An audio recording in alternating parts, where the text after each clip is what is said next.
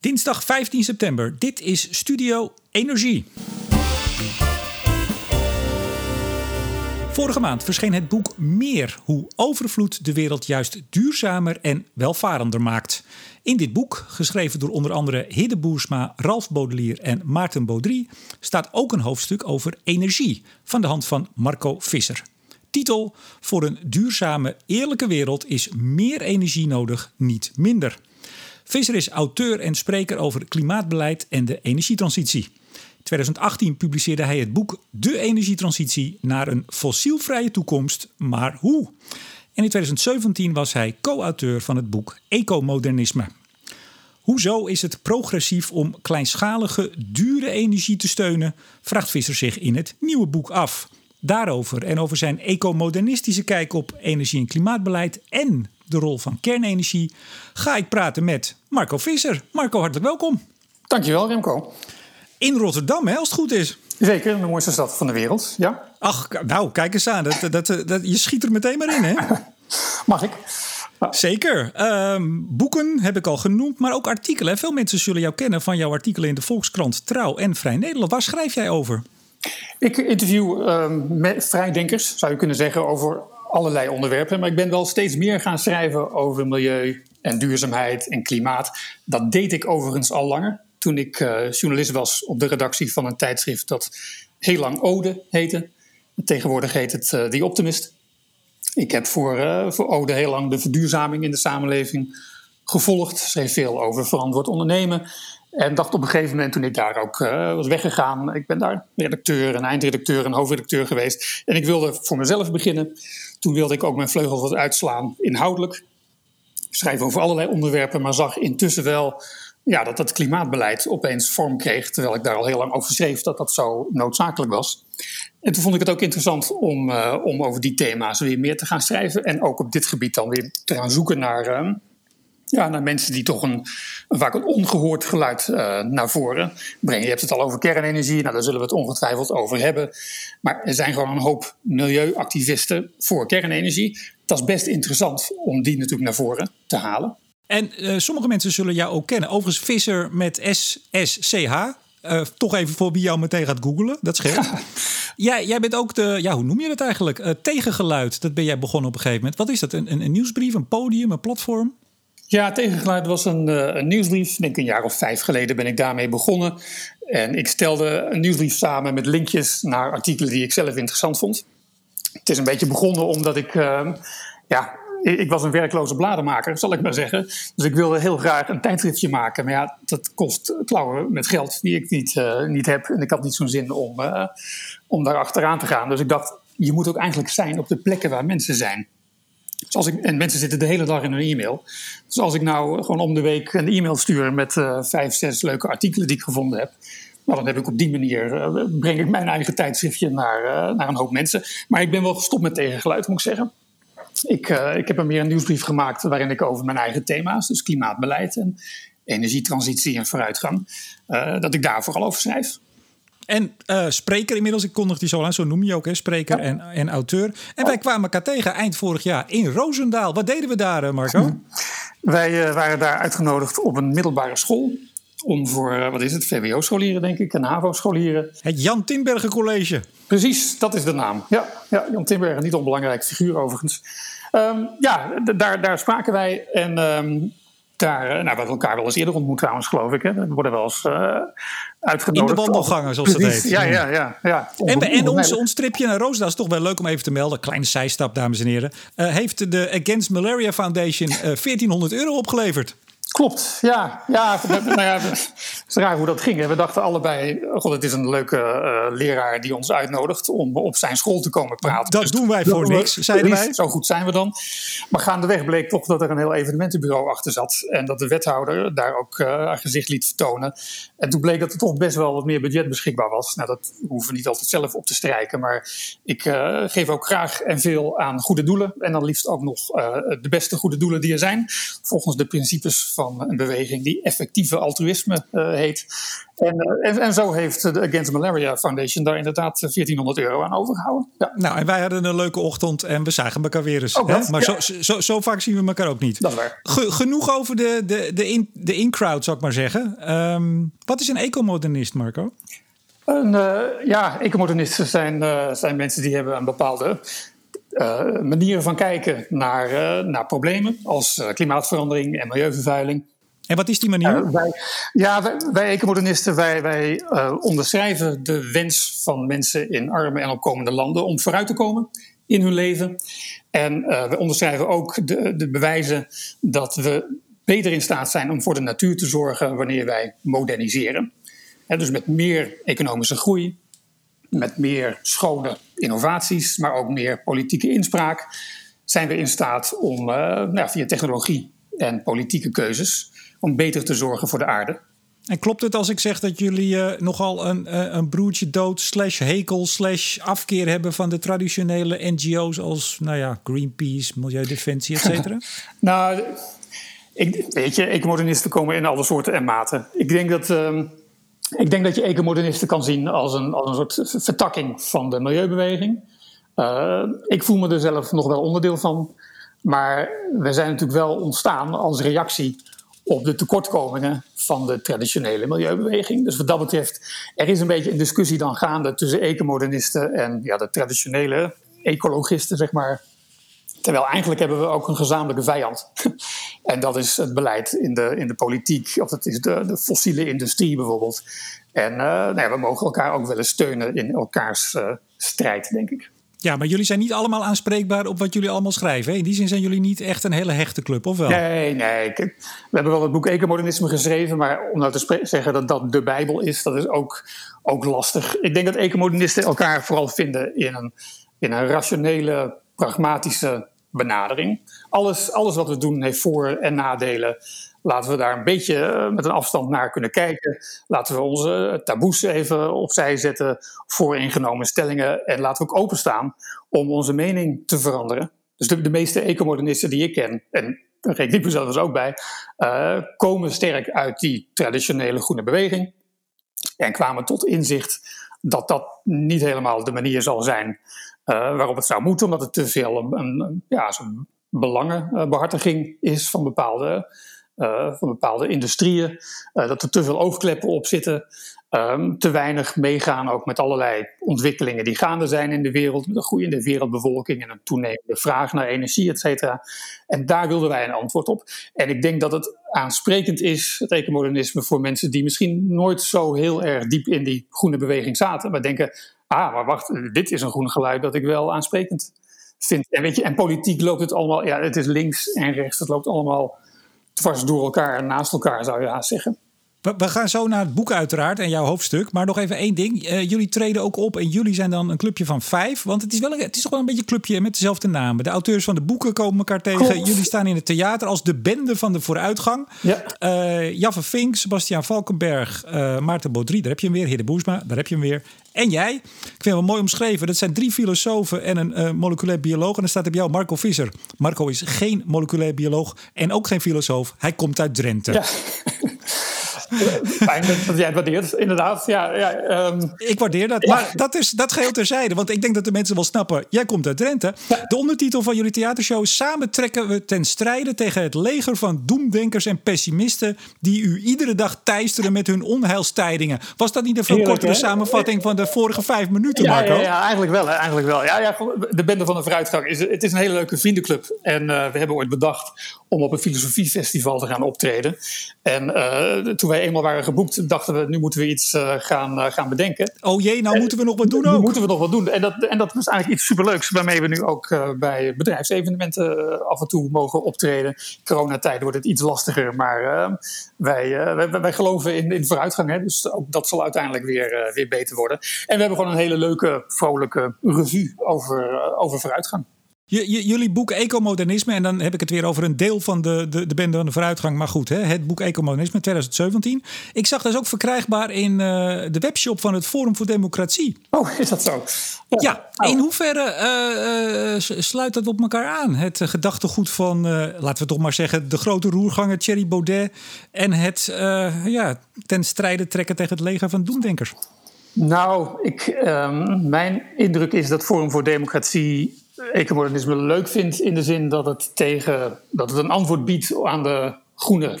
Wat zij waarschijnlijk de groene gekte zullen noemen, laat ik het maar zo zeggen. Ik geloof niet zozeer dat. Uh, nou ja, Thierry is toch een klimaatontkenner, mag je wel zeggen. Dat is niet wat uh, wij ecomodernisten zijn. Um, Thierry heeft, heeft, onlangs niet uh, een heel plan over thorium bijvoorbeeld uh, ontvouwen. Ja, daar, daar, komen we zo op nog. Ja, kernenergie, want daar, daar vinden jullie elkaar, hè? Wel. Jawel, ja, maar als het even om, om Forum gaat, thorium zou echt iets kunnen worden op het gebied van uh, nieuwe toepassing van kernenergie, maar is nog wel heel erg ver weg. En ik denk dat ecomodernisten weer het probleem van de klimaatverandering wat urgenter zien. En denken, ja, thorium is wel leuk en moeten we volgens mij ook in blijven investeren. Maar om nou daarop uh, te gaan wedden, dat is toch wel een beetje een gok. Ik bedenk ineens de eerste keer dat ik jou heb gezien was bij een bijeenkomst in Delft. Uh, en dat ging over thorium. Ah, kijk. Nou ja, het is wel een, een, onderwerp dat mijn interesse uh, heeft. Ja. ja. Hey, nog even over klimaatontkenning. Um, uh, een, een, van jullie mede-auteurs van het boek Ecomodernisme was Marcel Krok, of is Marcel Krok. Ja. wij kennen hem alle twee toevallig. Ehm, hij wordt wel een klimaatontkenner genoemd. En ik hou me heel even op de vlakte. Uh, voor heel veel mensen is hij een klimaatontkenner. En misschien nog wel de ergste met het, uh, de Clintel uh, Stichting. In hoeverre zit dat nou toch niet een beetje tegen elkaar aan?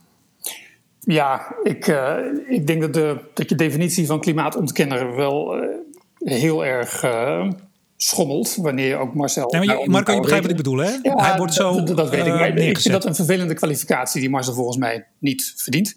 -huh. Als je het hoofdstuk leest over klimaatverandering in ons boek Ecomodernisme, waar 16 hoofdstukken in staan overigens. Dat, als ik mijn naam daarbij had gezet, had niemand daarover gestruikeld. Want het hoofdstuk over klimaatverandering in het boek Ecomodernisme twijfelt niemand. Daar, staat, daar wordt klimaatverandering gewoon onderschreven, erkend als een probleem, erkend als dat het door mensen wordt veroorzaakt en erkend als een probleem dat oplossingen behoeft. Dus ik zie, nee, ik, ik uh, ga hier. Maar jullie, jullie, hebben best wel kritiek gehad hè, daarop. En eh, betekent dat, eh, heeft dat tot gevolg gehad dat hij nu niet met dat nieuwe boek, waar ook toch best wel veel auteurs in staan, dat hij daarom niet meedoet? Hmm, dat heeft er denk ik niet zo mee te maken. Maar kijk, zoals wij, nou, met een klein clubje hebben wij onze stichting Ecomodernisme opgezet. Um, en hij heeft zo zijn eigen club nu, uh, Clintel. Dus ja, op een gegeven moment ga je ook een beetje je eigen pad, denk ik, bewandelen naar het boek Meer, vorige maand verschenen. Um, nou, eh, de titel is al wel vrij duidelijk, maar misschien kun jij het toch nog even kort samenvatten. Waar gaat het over? Ja, het is eigenlijk een antwoord op uh, geluiden die we links en rechts horen. Dat uh, de weg voorwaarts is, is de weg terug. He, dus vanuit uh, linkse groene kringen horen we dat we nou ja, minder moeten consumeren, minder energie moeten verbruiken, minder vliegen, minder vlees eten, waar ik het overigens ook wel uh, voor een deel mee eens ben. Um, maar dat is het verhaal aan de linkerzijde. Ter rechterzijde is het verhaal dat we toch vooral moeten stoppen met ontwikkelingshulp, dat we de grenzen dicht moeten gooien. Um, het, is, het verraadt een soort hang naar vroeger, toen het allemaal beter was. Of je nou progressief of conservatief bent. En dat is hele, ja, voor een vooruitgangsoptimist als ik, is dat een hele rare wereld om in te leveren. Waar je ook gewoon politiek ontheemd bent op een gegeven moment. Waar, ja, waar zit je dan uiteindelijk met je politieke voorkeuren? En wat wij wilden doen in dit boek is juist aangeven dat meer gewoon heel uiteindelijk leidt tot een beter leven. Dus meer economische groei is uiteindelijk goed om wanneer je de armoede wil, eh, wil gaan bestrijden. Er is een neiging om bijvoorbeeld heel weinig risico te nemen op het gebied van innovatie. Dat zie je vooral in de Europese Unie natuurlijk, waar het heel... Ja, dus, dus we moeten ook meer risico nemen. Ja, we moeten meer risico nemen. We moeten meer aan ontwikkelingshulp uh, gaan doen. We moeten ook meer ruimtelijke ordening gaan plannen. nou, daar gaan we het zo nog over hebben. En meer intensivering van de landbouw bijvoorbeeld, hè? Ja, dat is er ook onderdeel van. Ja, een hoofdstuk van uh, Joost van Kasteren, ook een ecomodernist. Ja. Is, is het boek goed ontvangen eigenlijk? Want ik moet je heel eerlijk zeggen ik heb het niet zo heel veel zien langskomen. Ligt dat aan mij of klopt dat? Um, ik denk dat het is opgepikt in uh, het Financiële Dagblad. En op zich, wij zijn allemaal auteurs die wel vaker stukken schrijven in kranten en tijdschriften. Dus ik moet ook wel bekennen dat een aantal van deze hoofdstukken in het boek gewoon ook al in een gewijzigde vorm eerder is gepubliceerd. Ehm, dat leidt er misschien toe dat recensenten denken: oh, maar dit is een, een bundeling van bestaande verhalen. Daar doen wij niks mee. Maar weet je, dat maakt lezers natuurlijk helemaal niet uit. Want die kunnen ook niet alles bijhouden. Dus nee, het, het kan zijn dat het minder is, uh, is opgepikt. Aan de andere kant, Hidde Boersma zat bij Jort Kelder in zijn podcast. Dus zo hier en daar uh, mogen we af en toe opduiken. En ik nu bij jou. Dankjewel. Nou, kijk eens aan. graag gedaan, zeggen we dan. Um, jouw hoofdstuk. Voor een duurzame, eerlijke wereld is meer energie nodig, niet minder. Is, het, is er iemand die het daar niet mee eens is? Nou, er, zijn natuurlijk geluiden dat wij volop moeten inzetten op energiebesparing. En uh, dat is in een welvarend land als Nederland ook helemaal niet zo gek. Wij kunnen natuurlijk echt wel minder en we kunnen onze huizen beter isoleren, om maar eens wat te noemen. Maar wij zijn maar een heel klein deel van de wereld. En wanneer energiebesparing een internationaal gedeeld doel wordt, dan is dat natuurlijk heel raar voor al die honderden miljoenen, miljarden mensen die nauwelijks toegang hebben tot moderne energie. En die zouden het zo graag willen omdat, weet ik, uh, vrouwen de hele dag bezig zijn om de was op de hand te doen en dus geen wasmachine hebben. Of omdat ze onkruid wieden, omdat er geen fatsoenlijke uh, machines zijn om, om dat werk te doen. Dus, maar Marco, mag ik je even, sorry. Want zullen we anders een knip aanbrengen in, in dit gesprek? Want dat we het over de wereld hebben en dan vervolgens de EU slash Nederland. Zullen we het zo doen? Uh, kan, ja. Laten we het zo doen. Nou ja, kijk, want bijvoorbeeld uh, toevallig vandaag uh, de NOS-bericht. We nemen dit overigens op maandag op. nou ja, de, de plannen om de klimaatdoelstelling aan te scherpen. wat ik zeg, NOS-bericht vandaag. EU zegt we moeten de komende jaren vooral minder energie gaan gebruiken. Dus laten we even de knip aanbrengen. wie zijn tussen, we? Nou, dat vindt de EU, dat we als EU minder energie moeten gaan gebruiken. Oké. Maar ja, laten we eerst even de, de, wereld pakken. Want ik denk namelijk wel dat er een groot verschil zit. Je zei het net zelf al. Hè? Het is natuurlijk best heel verstandig om uh, huizen goed te isoleren. Uh, ja. Er zijn nog heel veel honderdduizenden huizen in Nederland waar uh, de ijsbloemen op de ramen staan in de winter. Ja. Dus daar is nog wel wat te winnen. Even de wereld. Um, ja, heel veel mensen hebben geen energie, hè? Klopt, ja. Die, uh, die zijn aangewezen op, uh, op bijeengesprokkelde takken, zeg maar, en, en, de mest van hun dieren om die te verbranden. En daar, daar koken ze op en dan, ze, uh, houden ze zichzelf warm. Uh, dat is een realiteit voor ontzettend veel mensen, voor meer dan een miljard mensen. Uh, elektriciteit is natuurlijk een, een, noviteit waar mensen alleen maar van kunnen dromen. of wanneer het er is, is het volstrekt onbetrouwbaar en ligt de stroom dagenlang uit bijvoorbeeld. Maar is er iemand die, ont, die, die deze mensen, de, inderdaad bijna een miljard mensen, ik geloof 800 miljoen, het ligt er een beetje aan hoe je het definieert. Ja. Maar uh, is er een groep of is er een beweging die zegt zij mogen geen energie? Ze zullen het niet zo hardop zeggen, maar wat je nodig hebt om de energie bij die mensen te krijgen, is, uh, is, is de energie. Hè? Er zijn energiecentrales.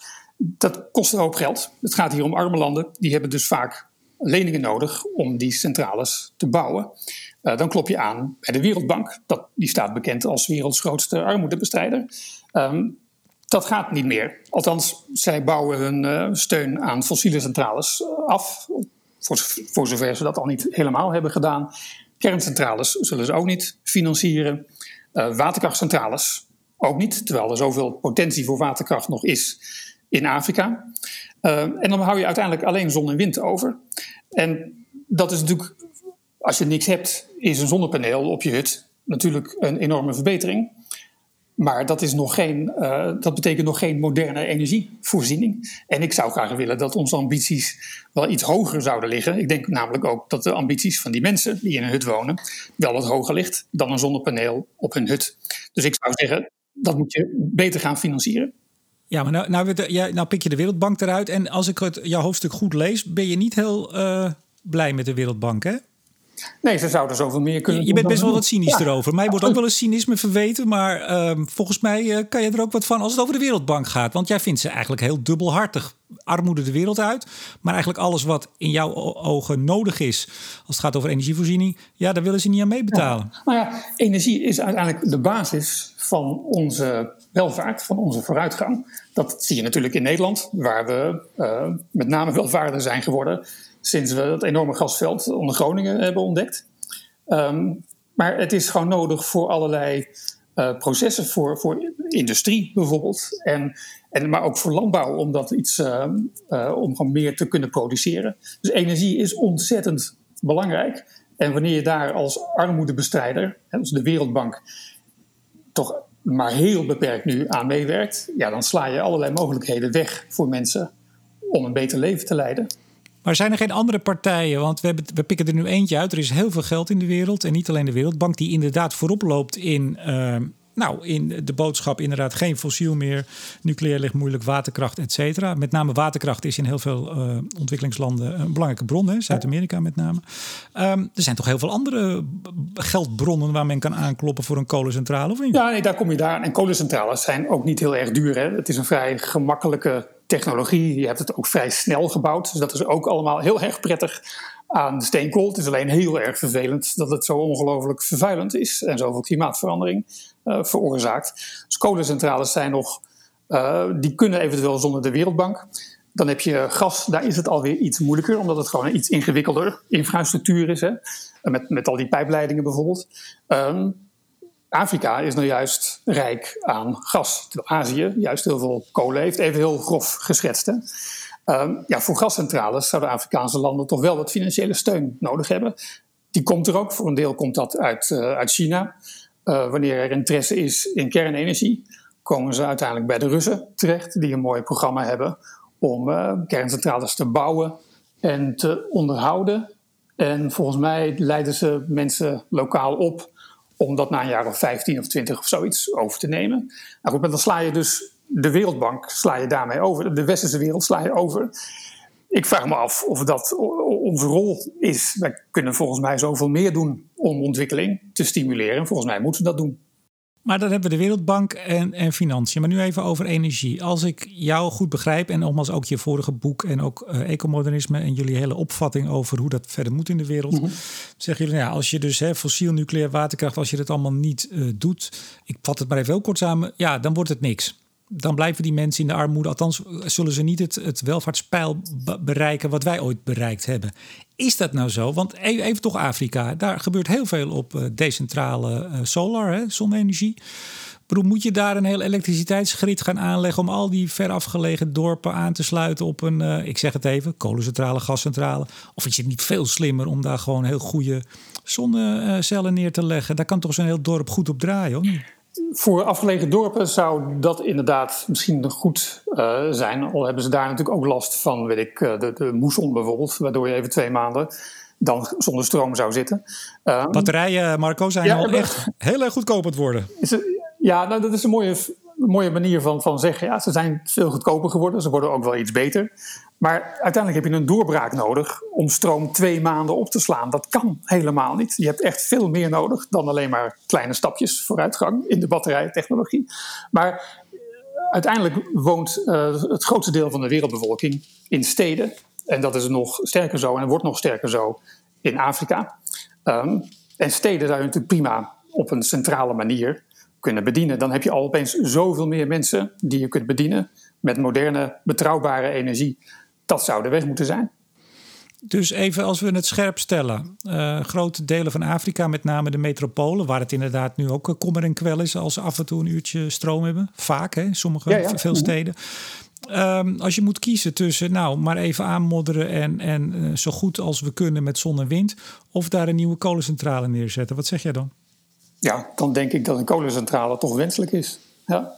Ik denk nu dat een aantal mensen de podcast uitzetten, Marco. Nou ja, dat, dat, dat mogen ze doen. Ja, het, het is uh, weinig Niet doen, dames en heren. Hij gaat nog meer dingen vertellen. Blijf even luisteren. Ja, het wordt nog veel erger natuurlijk. Nee, ja, um, uiteindelijk, vraag het anders aan die mensen in Afrika.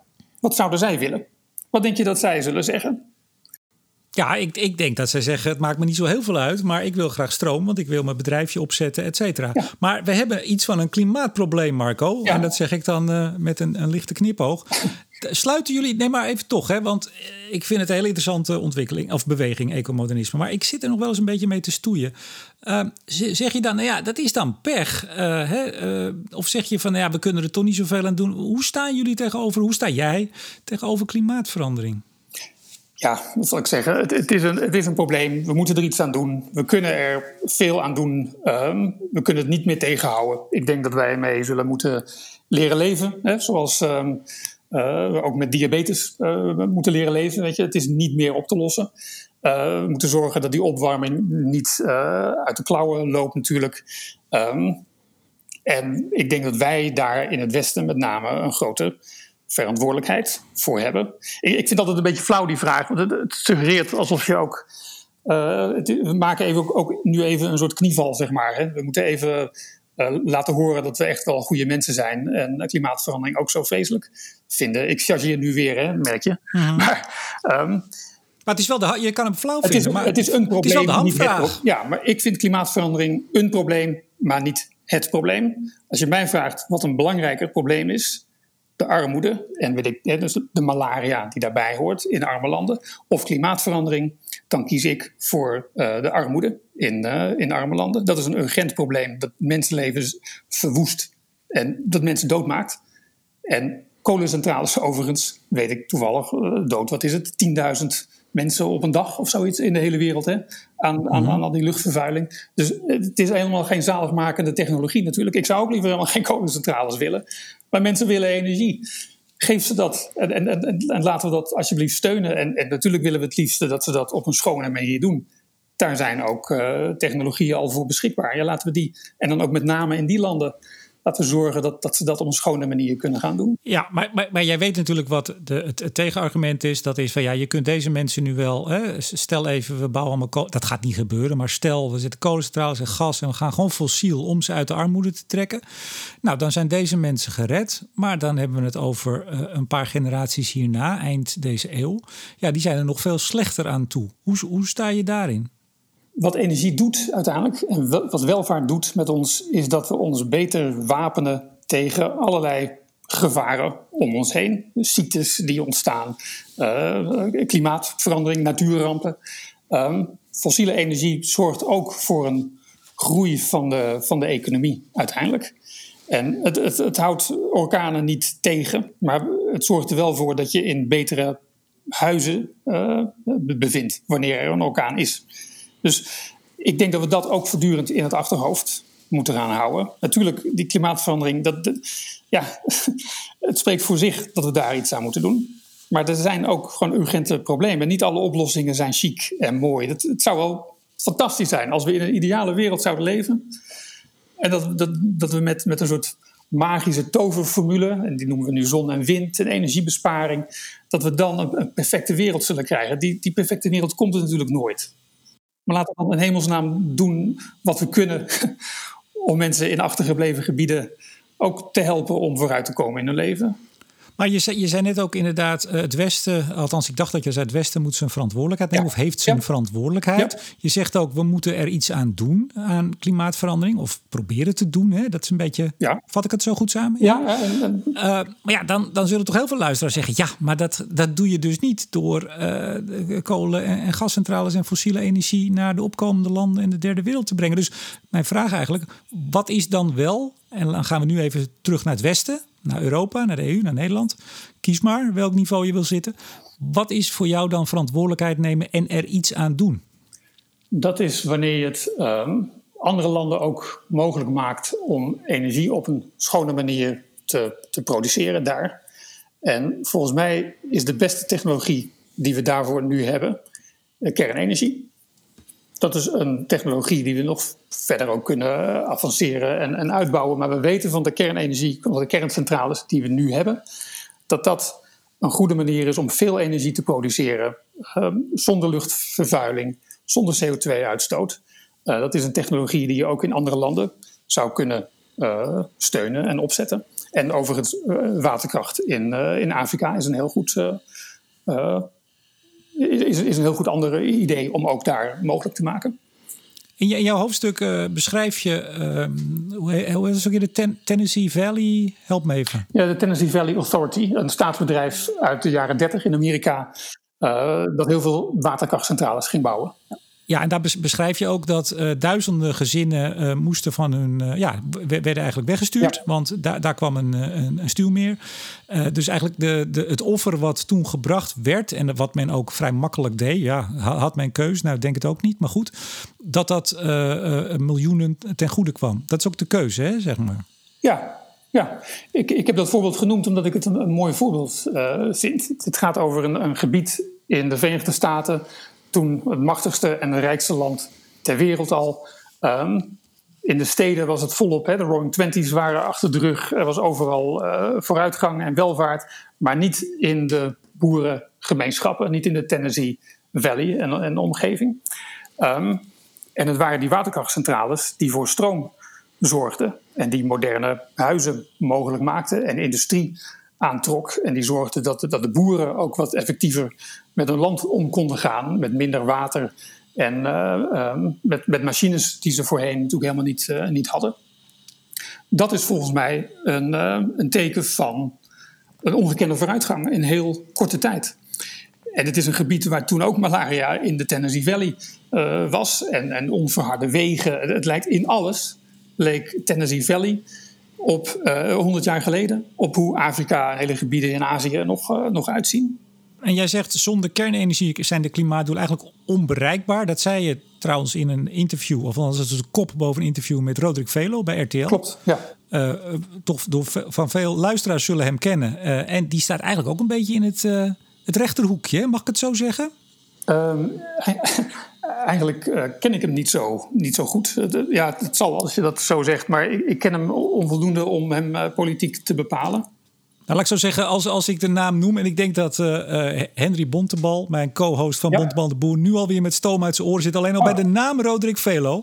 Maar goed, ik zou bijna zeggen, google hem eens een keer. En dan, nee, maar dat jij bij hem te gast was, snap ik wel. Want jij zegt kernenergie is veilig... en als we het opgeven, gaan we de klimaatdoelen niet halen. Dat was uh, begin dit jaar. Vind je dat nog steeds? Ik denk het wel. Ja, zeker wel. En ik even na Zes maanden geleden. Ja, ja, ja, natuurlijk. Ja. Ja, en ik zit nog even terug te, te, te denken. Ik bedoel, Maakt dat nou uit als Roderick Velo inderdaad ter rechterzijde politiek staat? Dat, dat nou, ik, ik zei het misschien niet goed. Of het, ik, dus ik, vind dat een vervelende, ik vind dat een vervelende uh, smaak geven om dit zo te benadrukken. Het is alsof wij, wij linkse mensen, wij, wij zijn goed. Hè? En dan ga je, laat je je interviewen door, door iemand die rechts is. Ja. Ik, ik, wou het even, ik wou het even iets nuanceren. Ik weet eigenlijk niet of het rechts is, maar hij zit in het hoekje uh, dan moet ik op, uh, even uitkijken. Ja, hij zit in het uh, Forum voor Democratie-achtige hoekje. Het bijna klimaatontkenningshoekje. Althans, daar wordt hij neergezet. Ik heb wel eens wat interviews van hem gezien. Ik heb ook wel eens wat columns van hem gelezen. En ik denk dan alleen maar, nou, ik kan dit niet heel erg serieus nemen. Nou, daar kan je ook weer van alles van vinden. En misschien krijg je daar ook een nare smaak van. Maar ik kan het niet zo serieus nemen. En hij, gaat, hij slaat nogal hard op de trom soms in met zijn columns. Ik vond dat hij een heel leuk interview met mij deed eigenlijk. Kuierend door het Hier in, uh, in Rotterdam. Maar goed.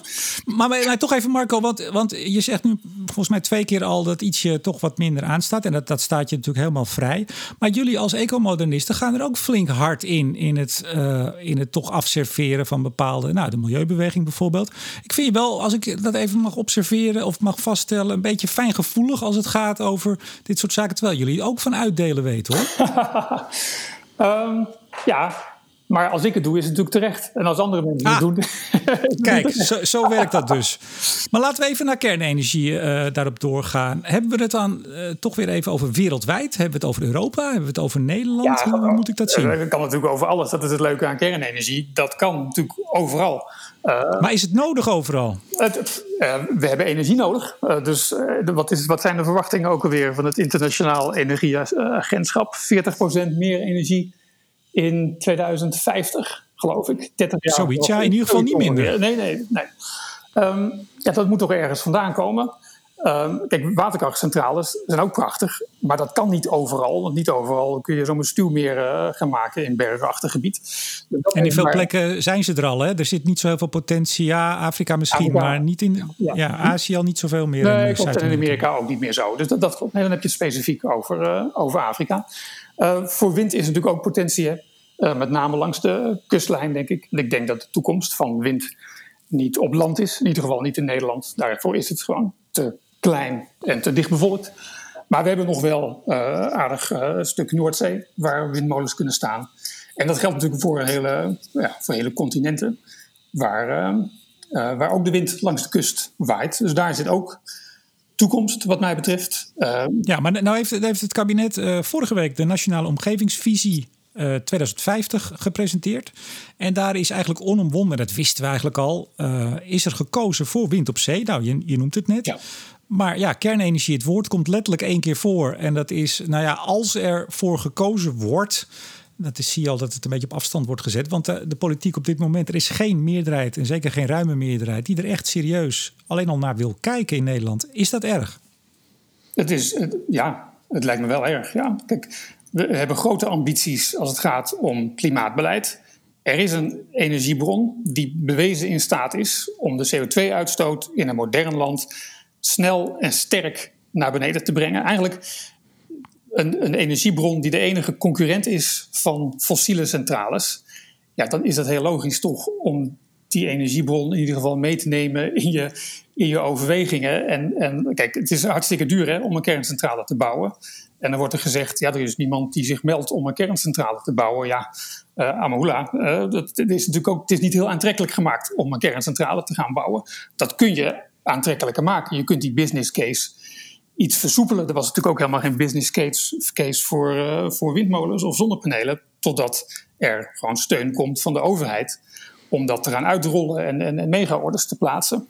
Dat geldt ook zo met, met kernenergie. Dat moet je niet. Ja, subsidies zijn dan niet, is niet het juiste woord. Maar kijk, ik ben geen econoom. Maar wanneer je leningen afsluit op de particuliere markt, betaal je natuurlijk veel meer dan wanneer je uh, dat via de overheid doet met de staatslening. En dat zou je heel goed kunnen doen voor een groot infrastructureel project als een kerncentrale.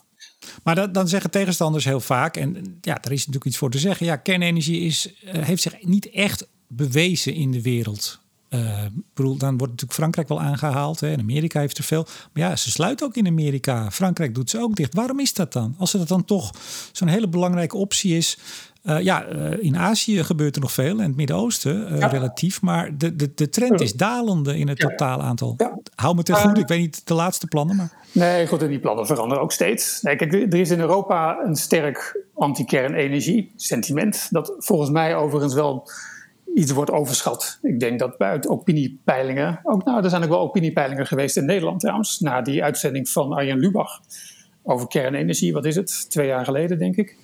Uh, toen bleek opeens dat uh, ongeveer de helft van Nederland voor kernenergie is. Dat, mijn, uh, dat verbaasde mij enorm. Ik had gedacht dat het veel lager was. En zelfs bij politieke partijen is het bij de, bij de met D66 lag het volgens mij op meer dan de helft. Die eigenlijk voor kernenergie is. Zeker wanneer, hè, wanneer het een onderdeel is van het klimaatbeleid. Maar goed, in Europa is het, is het zeker zo dat kerncentrales aflopen. België wil er vanaf. Duitsland wil er al langer vanaf. Frankrijk staat ook volgens mij onder druk om ze te sluiten. Ja, eh, dat is zo vreemd. Hè? Als je kijkt naar de CO2-uitstoot van Frankrijk, die is volgens mij maar de helft, zeg ik even nu uit mijn hoofd van die van Duitsland. In Duitsland sluiten allerlei kerncentrales. In de afgelopen tien jaar hebben ze natuurlijk heel veel windmolens en zonnepanelen neergezet. Maar de totale CO2-uitstoot in Duitsland, die, die neemt nagenoeg niet af. Trouwens wel in de stroomproductie, moet ik, uh, moet ik zeggen, maar niet heel erg snel. Dat had natuurlijk een stuk sneller gegaan als ze de kerncentrales open hadden, gehouden en de kolencentrales hadden gesloten. Maar dat is niet wat er gebeurt. Ze bouwen kolencentrales en zelfs bruinkool. Als je denkt dat steenkool vies is, dan moet je maar eens bruinkool uh, proberen. Dat is nog, dat is nog vuiler. Maar, maar, Marco, waarom denk je dan dat nou, Groot-Brittannië is eigenlijk de enige in Europa nu die, althans, uh, die het meest duidelijk toch voor kernenergie heeft gekozen, ook een nieuwe bouwt? We hebben natuurlijk die in Finland nog. En uh, er zijn er drie die ook altijd worden aangehaald als kostoverschrijding en tijdsoverschrijding. Maar zoals België, zoals Frankrijk, nu toch een beetje op zijn retour. Um, snappen die het dan niet? Want jij zegt, ja, uh, kernenergie is veilig en als we het opgeven, dan gaan we de klimaatdoelen niet halen. Zij hebben, en ook Nederland, met alle rekenmeesters van het PBL erbij, hebben toch blijkbaar de overtuiging dat het zonder kernenergie wel kan. Ja, maar tegen welke prijs? Um, ik denk dat er wel een paar redenen zijn dat, het, um, dat kernenergie in Europa aan het aflopen is. En de, ik vraag me eerlijk gezegd ook wel af of dat hier in dit continent uh, nog weer een renaissance zal beleven. Voor een deel is dat politiek. Politici durven hun vingers er niet zo aan te branden, omdat ze ervan uitgaan dat er zoveel weerstand zal zijn. Die overigens natuurlijk ook zeker komt hè, bij uh, met name ook wel georganiseerde milieugroepen, denk ik. Um, en het ligt waarschijnlijk ook aan de nucleaire industrie, die gewoon te weinig heeft geïnnoveerd, te weinig van zich laat horen. Um, in België speelt het ook wel. Er is ook te weinig uh, onderhoud gepleegd, bijvoorbeeld, aan hun centrales.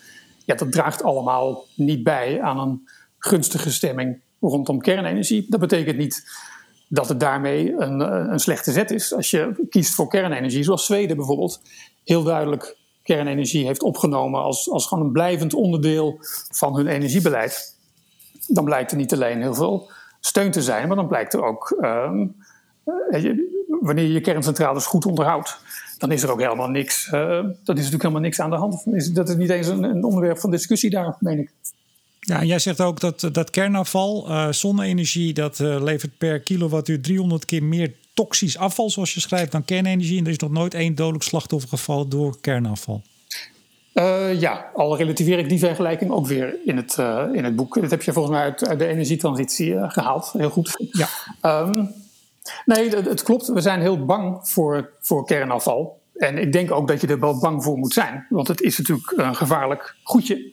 Maar we mogen ons ook wel realiseren dat er al, dus het 60 jaar lang, nog nooit iemand dood of ziek is, is, is geworden van, uh, van kernafval. Zeker in Nederland bewaren wij dat zo ongelooflijk goed. En, en dat, dat doen we overal eigenlijk. Het is natuurlijk ook niet zo heel veel afval dat je hebt. Je bewaart het uh, onder de grond in afwachting tot het uh, voldoende is afgekoeld. En er liggen allemaal plannen klaar om dat blijvend op te slaan. Ik vraag me trouwens wel eens af of we eigenlijk wel over afval moeten praten hier. Afval is toch iets wat weglekt in de, in de bodem, in het water of in de lucht. En, maar daar is helemaal geen sprake van bij kernafval. Dat wordt zo goed opgeslagen. Dat is dan toch geen afval meer. Je zou het zelfs kunnen zien als grondstof. Want er zijn kernreactoren waar je uh, juist het kernafval aan de voorkant erin kan stoppen.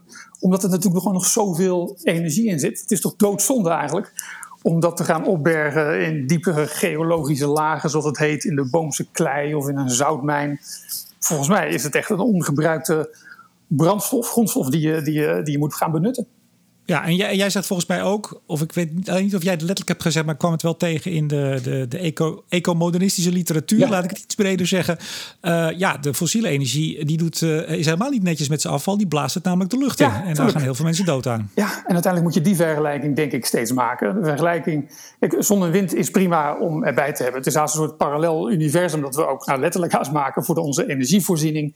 Dat komt op momenten wanneer het weer mee zit. En trouwens, wind offshore, dat weet jij ook, dat is echt wel erg effectief uh, geworden. Um, maar dat is, daar heb je allemaal extra leidingen bij nodig. Het is een ingewikkelde infrastructuur die moet mengen met het traditionele, met het bestaande uh, energieinfrastructuur. En uh, ja, kerncentrales zijn daar helemaal geen concurrent van. Kerncentrales zijn altijd al de concurrent geweest van gascentrales en kolencentrales. En het is ook heel raar dat wanneer je daar vanaf zou willen, en dat willen we volgens mij wanneer we klimaatverandering willen oplossen, dat je dan die serie, de enige serieuze concurrent zo zou, zo zou wegzetten. Ik vind, dat, ik vind dat ergens wel onbegrijpelijk. Misschien wil jij er een boek over schrijven. Jij bent dan goed in, in, in die boeken over, over, over energiebronnen die allemaal een beetje, een beetje ter ziele gaan. Schaliegas en dan nu biomassa, toch? Daar gaan we het een andere. Nee, nee, nee, nee, nee, nee, nee, geen biomassa. Daar gaan we het een andere keer over hebben. Marco, we gaan al een beetje uh, richt, richting afronding. Jij zei net. Uh, toen ik zei van, uh, ja, blijkbaar hebben wij toch zeker in Nederland het idee dat we dat prima zonder kernenergie kunnen. Toen zei ja, tegen welke prijs? Nou heb jij een drieluik geschreven vorig jaar in de Groene Amsterdammer over windmolens die op dit moment in de Drentse veenkoloniën worden gebouwd. Heb je het daar dan over, bijvoorbeeld als je het hebt over die prijs die we betalen? Ja, ook wel. Ik moet zeggen dat ik het vooral over geld had. Het is gewoon heel erg duur om, om windenergie op te wekken uiteindelijk en uh, aan land te brengen. Oh, ik dacht dat je echt waar? Ik dacht dat je ja, het figuurlijk bedoelde. Nou want... ja, ook wel. Ik, ik vind het, um, ja, windmolens op land. Ik, ik, ik denk dat we daar, nou, dat, dat zal niet heel erg meer groeien, stel ik mij zo voor. Er is zoveel weerstand, met name in, in plattelandsgemeenschappen, waar ze het gewoon niet zien zitten, waar ze niet goed worden betrokken bij de besluitvorming. En voor zover ze al mee mogen praten, dan is dat toch uh, meer over de kleur, zeg maar, dan over waar ze nou precies komen te staan en of het wel zo nodig is. Dus uh, ja, er is, ik ben in de veenkolonie geweest. Ben ik een aantal keren naar teruggegaan. Om daar met heel veel mensen te spreken. Inclusief de windboeren trouwens. Hè. Dus de, de agrariërs die een deel van hun land ter beschikking stellen aan de, aan de windmolens. Om gewoon te, ja, te polsen hoe dat nou een gemeenschap verandert. Ik ben daar wel van, van, van geschrokken, want het zet nogal wat uh, op zijn kop. Ik moet ook wel zeggen, ik kijk er nu al naar uit om over tien jaar terug te gaan. En dezelfde mensen op te zoeken. En toch eens te horen hoe zij terugkijken op die rare tijd dat mensen zich zo ongelooflijk hebben opgewonden over de komst van een aantal windmolens in hun streek.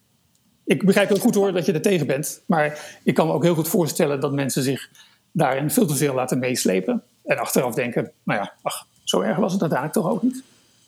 Maar als het over die letterlijke prijs gaat, eh, dus de kosten, eh, dan weet jij vast ook dat we die nieuwe wind op zeeparken, die worden subsidieloos gebouwd. Dat begint ook al tegen zijn, uh, dat begint al te knellen. Hè? De branche heeft al gezegd, ja, dit gaat zo niet verder. 2025 zou ook wind op land en volgens mij ook zon op land ehm, zonder subsidie af moeten kunnen. Misschien nog wat andere steunmaatregelen. In hoeverre is die, die prijs dan, letterlijke prijs, zo hoog? Want dat lijkt, zeg ik voorzichtig, dat lijkt toch de goede kant op te gaan.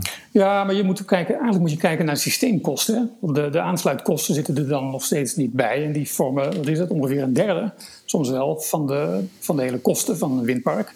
Um, dus je, je, moet denk ik uiteindelijk naar het systeem kijken. En als je kijkt naar de stroomprijs bijvoorbeeld van zon en wind, is die echt laag. Hè? Die is, gewoon goedkoper dan, uh, dan fossiel of, of, kern voor mijn part. Um, maar dan moet je ook niet vergeten dat die prijs, die betaal je alleen maar op de momenten dat ze stroom leveren. Het zou eerlijker zijn om dan toch ook de prijs mee te rekenen van de opslag, van de achtervang, zeg maar, die je altijd nog ergens moet hebben staan pruttelen. Je kunt niet alleen maar met zon en wind vooruit. Dus die, de, de, dat zon- en windstroom goedkoop is, wil nog niet zeggen dat de energieprijs, de energierekening goedkoop is. Sterker nog, juist in landen als Denemarken en, uh, en Duitsland, waar zoveel meer uh, zon en wind wordt uh, neergezet, daar stijgen de energierekeningen nou juist. Dat heeft natuurlijk wel, een, wel degelijk een relatie. Ik zag uh, Henry Bontebal vanochtend nog in een tweetje, of misschien was het gisteravond, weet ik niet, uh, waarin hij kritisch was op jullie boek. Althans, een hoofdstuk volgens mij van, uh, van of met Hidde Boersma. Althans, ze waren even in gesprek op Twitter over dat in jullie boek staat. Niet in jouw hoofdstuk trouwens. Dat er eigenlijk geen opslagsysteem is om dan inderdaad met heel veel zon en wind dat op te slaan voor als het niet waait en de zon niet schijnt. Mm. Bontebal was daar kritisch over. En ik snap het wel, want we kunnen toch dingen in waterstof omzetten. Nee, Elektriciteit in waterstof? Dat kan, ja. En misschien wordt, krijgt dat ook wel een, uh, een grote toekomst. Het, is natuurlijk, het, kost energie hè, om waterstof te maken. Zeker. En om het om te zetten verlies je weer wat.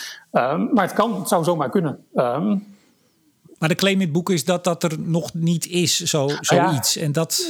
ik, ik, weet niet over welk hoofdstuk het gaat. Maar het is natuurlijk wel zo dat er nu geen... Er is geen grootschalige betaalbare opslag van groene stroom. Niet, zeker niet, belangen na niet, op de schaal die we, die we nu al nodig hebben.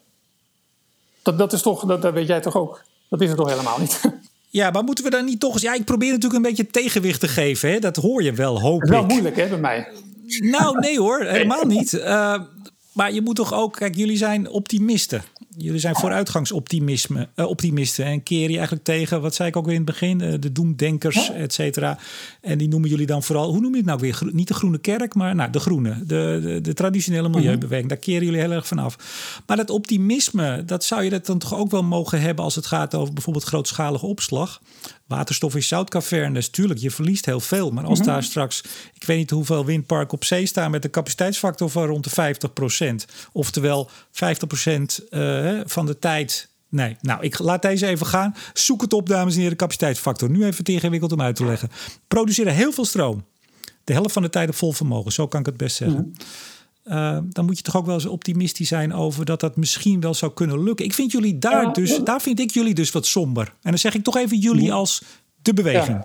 Maar weet je, Rembo, als je optimistisch bent over de, de rol die technologie heeft in ons leven en de rol die het kan hebben in ons leven, wil toch nog niet zeggen dat je over iedere technologie optimistisch hoeft te zijn. Ik, ik nee, maar je zei net, het is er nog... Nee, nee, wacht even Marco. Je zei net, het is er nog niet. Nee. Dat, dat, klopt. Ja. Dat klopt. Ja, maar, maar, ja, als maar je ik met vind wel, Remco, dat je dus waterstof... dat moet je verder zien te ontwikkelen. Maar je moet daar niet alles op, uh, op gaan storten. Zoals volgens mij Urgenda pas eigenlijk wilden in, hun, in de plannen die ze presenteerden. Sterker nog, ik vind eigenlijk dat wij ecomodernisten, wanneer wij uh, kernenergie naar voren schuiven, schuiven wij een technologie naar voren die, um, die, die bestaat en bewezen is. Dus eigenlijk kiezen wij voor oude technologie, kun je zelf zeggen. Um, maar wel eentje waarvan we weten wat die doet. Wij zitten niet eens zozeer op de lijn van, van thorium. Want thorium is ook, net als waterstof, daar moet nog heel veel aan gebeuren. Om dat betaalbaar en schaalbaar en te, te, gaan, te gaan maken en toepassen. Dus wij zijn, wij zijn er helemaal niet zo. Ja, ik vind, er, ik vind er helemaal geen inconsistentie in zitten eigenlijk. In het techno-optimisme als een, als een algemeen punt versus uh, specifiek. Ja dat, ja, dat ben ik dan niet helemaal met je eens. Maar dat, dat mag toch? Ja, dat mag, natuurlijk. Ja, ja. Ik bedoel, er zijn, er, zijn, er zijn studies, en dan heb je het inderdaad wel over de toekomst, waarin het toch zou kunnen uh, dat het uh, met zon en wind kan je hoort het al, kan, zou kunnen. Ja, eh, een, een, deel, een deel van de oplossing is er nog niet. Ik denk altijd een beetje de keuze tussen... of heb je het over volstrekte uh, onmogelijkheden... waar mensen zich dan achter verschuilen en in vluchten. Hè? Dat is één kant, dat is het ene uiterste. Uh, dat moet ook niet, dat vind ik zelf ook. en aan de andere kant, ja, we hebben natuurlijk heel vaak gehoord... ik heb ook wel uit nou nee, wel laten we even zeggen wie dat, uh, wie dat was. Maar er is wel heel, best wel heel vaak gezegd, tot niet zo heel lang geleden, dat uh, zon, of sorry, uh, wind op zee. Dat was inderdaad heel duur, hè? 16 cent de kilowattuur, nog maar een paar jaar geleden. Dat dat nooit wat zou worden. Ik heb daar veel artikelen over gevonden. veel mensen zeiden dat. Ja, dat is dus niet waar gebleken. Dus mhm. iets wat meer optimisme aan die kant je weet, ik, nou ja, even toch, wij kennen elkaar een beetje. Oh, daar ging iets om volgens mij. Maar, uh, twee glazen die tegen elkaar aanschoten. um, het, het, het, is, het is een lastige. Het is aan de ene kant partijen die of heel erg eh, voor of tegen iets zijn. Uh, de nuance is lastig te vinden. En dat geldt denk ik hier, hier ook wel voor.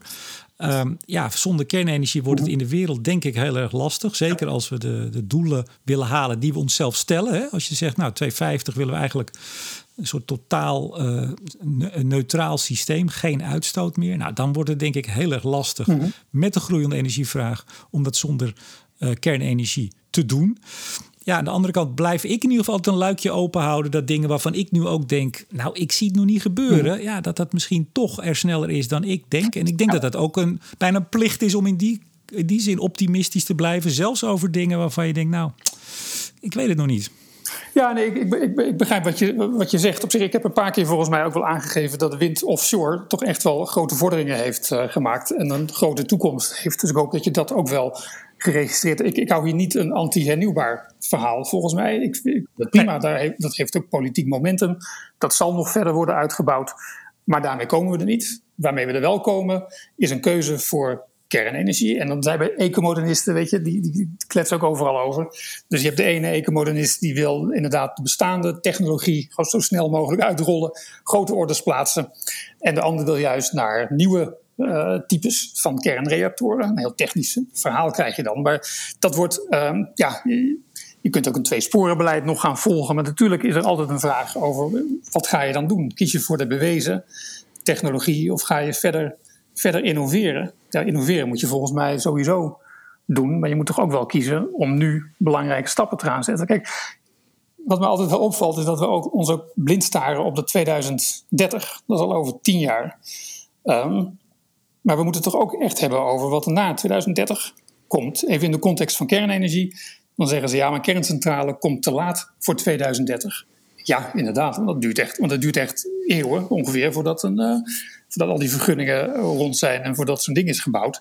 Nee, maar dat, Marco, daar ben ik helemaal met je eens. Dat is een kul argument. Als je, ik, zei het ook tegen, ik zei het ook tegen de minister in het interview wat ik vorig jaar met hem had. Ja, als je uh, kernenergie wil na 2030, moet je nu beginnen. Ah, kijk, dat is verstandig. Ja. Nou, zijn we het daar toch bij eens? Ja, tot slot. Natuurlijk, natuurlijk.